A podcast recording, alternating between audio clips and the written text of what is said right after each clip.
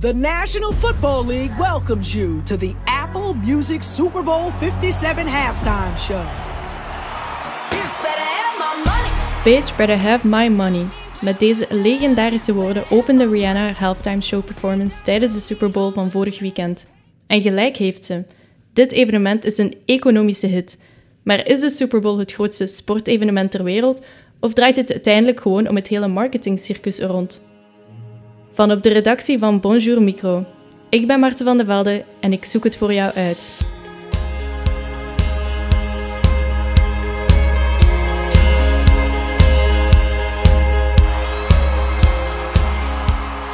Op dit moment hebben we vijf jaar moeten wachten. Rihanna maakt eindelijk haar muzikale comeback en doet dat op het meest iconische en grootste podium van de wereld, de Super Bowl Halftime Show. Dit is Kato Peters, M&M DJ. Als mediawatcher volgde zij de halftime show op de voet. De verwachtingen liggen hoog. En de start van haar performance is al meteen heel atypisch eigenlijk. De camera staat full-on ingezoomd op haar gezicht en voor de rest zie je nog niets anders. Maar vanaf de eerste noot van haar openingsnummer Bitch Better Have My Money klinkt, zoomt die camera uit en zie je Rihanna over haar buik wrijven. Ze blijkt gewoon zwanger te zijn van haar tweede kindje. Dat is mega onverwacht en zot nieuws, aangezien haar eerste kindje nog maar amper negen maanden oud is. En op dat moment weet je dus eigenlijk al meteen dat het een memorabel optreden gaat worden. En dat dringt pas echt door wanneer je beseft dat ze met haar rode outfit ook nog eens op een vliegend podium staat. Omringd door dansers in een wit pak die ook hoog in de lucht hangen. De podia die vliegen af en toe eens op en neer en dat doet eigenlijk een beetje denken aan een Super Mario-spel. Het ziet er echt allemaal mega cool uit. En ondertussen is Bad Gal Riri ook nog eens los aan het viben en aan het genieten van haar eigen comeback. Met nu niet alleen dansers in de lucht, maar ook tientallen op de grond. Een iconische halftime show dus. Maar ze is niet de eerste. Bij mij zit Astrid Peters. Hey Astrid, je werkt op onze redactie. Hey. Die halftime show, dat is echt een kijkcijferhit, hè? Inderdaad, niet alleen op de avond zelf volgden heel wat mensen wereldwijd het optreden, maar ondertussen is de halftime show performance van Rihanna ook al ongeveer 33 miljoen keer bekeken op YouTube. Dit heeft eigenlijk een hele geschiedenis. Jaar na jaar treden de grootste wereldsterren van dat moment op op het podium van de Super Bowl. Dit begon met Michael Jackson in 1993 en daarna volgden namen zoals Diana Ross, Beyoncé, Prince, Lady Gaga, noem maar op. Zoals mediawatcher Kato daarnet al zei, toonde Rihanna haar zwangere buik. Echt een iconisch moment. Inderdaad, een iconisch en onverwacht moment. Maar dat is wel waar het podium van Super Bowl bekend voor staat. Het zorgde al vaker voor memorabele momenten in de muziekgeschiedenis. Zo was er de reunie van Destiny's Child. Tijdens Beyoncé haar optreden sprong Lady Gaga uit een helikopter, werd Diana Ross er door eentje opgehaald aan het einde van haar optreden. Ja, wij praten hier nu al over de Super Bowl, maar we hebben het wel echt vooral over de halftime show. Toch is de Super Bowl nog steeds een sportevenement. Astrid, jij vroeg dit even na bij Jurgen Nijs, American footballkenner en ook sportcommentator. Inderdaad, hij vertelde mij hoe de Super Bowl uitgroeide van een eenvoudige American voetbalwedstrijd tot wat het nu eigenlijk is. Wel, het is in de eerste plaats blijft het natuurlijk een sportevenement, want het is de finale van de National Football League, de Amerikaanse voetbalcompetitie, eigenlijk, of de American Football Competitie moet je zeggen. Um, en op die manier blijft het natuurlijk wel de finale. Dus het blijft eigenlijk wel een, uh, een sportevenement. En de spelers, dat is natuurlijk ook het hoogste wat zij kunnen halen, is zo'n Super Bowl spelen en in het beste geval die ook winnen.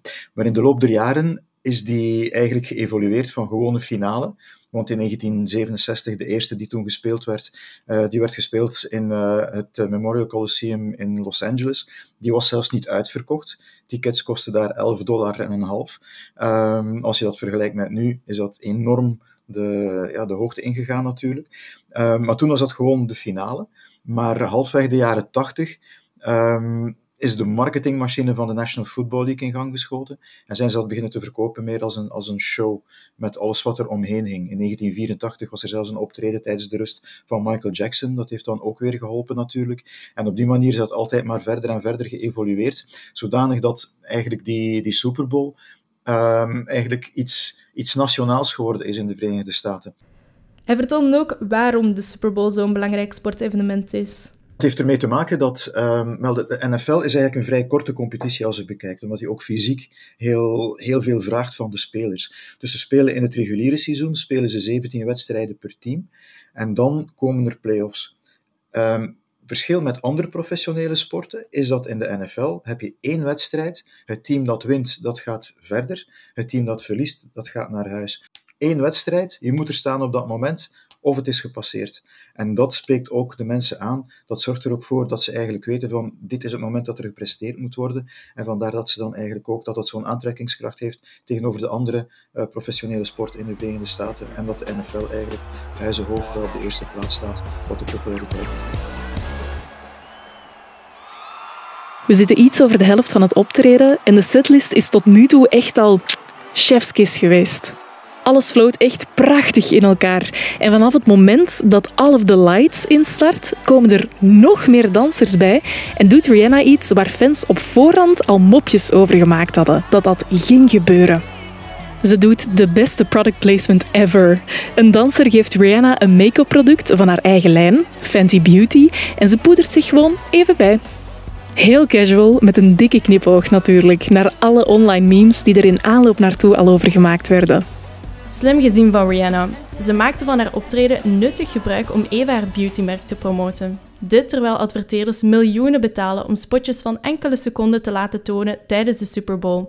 Achter dit sportevenement zit dus eigenlijk een gigantische marketingmachine. Dat gaf Jurgen ook al te kennen in jullie gesprek. Maar wat is die marketingmachine juist en hoe zit die in elkaar? Hiervoor ging ik eens langs bij professor marketingcommunicatie Lieselot Hudders. Zij vertelde waarom de Super Bowl zo aantrekkelijk is voor adverteerders. De Super Bowl heeft een eh, heel groot publiek. Er zijn heel veel mensen die eh, live gaan kijken, maar ook heel veel kijkers die van thuis uit de wedstrijd volgen. Dus als adverteerder heb je meteen een heel groot bereik van je reclamespotje. En het is historisch zo gegroeid dat. Um, ja, spotjes die uh, tijdens de Super Bowl getoond uh, werden, toch wel opvallend waren, soms ook wel wat controversieel, waardoor dat er ook nadien heel wat um, gesprekken over de spotjes uh, gingen. En ja, men heeft eigenlijk gezien dat dat doorheen de jaren heel populair werd en dat er daar heel veel over gesproken werd, waardoor men nu heel veel gaat investeren in die spotjes en daar eigenlijk een, een volledige marketingcampagne rond, rond opbouwt, vooraf en dan ook na uh, dus het is niet alleen het spotje dat getoond wordt, maar er zit ook een campagne voor en een campagne na uh, om, ja, om ja, impact, uh, impact te hebben. De Super Bowl mag dus dan wel het piekmoment zijn. Vaak gaat het om grotere campagnes die ervoor en erna lopen. Ze gaf hier een heel concreet voorbeeld van. De M&M's, um, merkfiguurtjes die um, twee weken terug een aankondiging hadden gedaan dat ze de merkfiguurtjes zouden uh, afschaffen, omdat er te veel kritiek op gekomen uh, was. Uh, maar eigenlijk was het een, een, soort hype creëren na de Super Bowl, want dan was er dan tijdens de Super Bowl een spotje dat de merkfiguurtjes plots terug, terug waren. dus ze doen echt wel veel moeite om wat nieuwsgierigheid te prikkelen, om mensen warm te maken om ja, uit te kijken naar, naar de boodschap die ze brengen als, uh, als merk. Maar is het dan zo uniek voor sportevenementen dat merken hier zo hard opspringen? Ik denk bijvoorbeeld aan de Jupiler Pro League. Nee, dat is zeker een terechte opmerking. Zowel Lieselot als Jurgen spreken ook over het feit dat sport en reclame al heel lang hand in hand gaan. Ik denk dat um, heel veel sportclubs um, voor een groot stuk afhankelijk zijn van inkomsten uit reclame. Um, bijvoorbeeld de voetbalclubs, die uh, halen toch een groot budget uit sponsoring. dus eigenlijk dat zij uh, reclame maken voor een merk in ruil voor een, uh, ja, een groot financieel bedrag, waardoor dat zij hun spelers kunnen uh, aankopen en, en, werking kunnen hebben.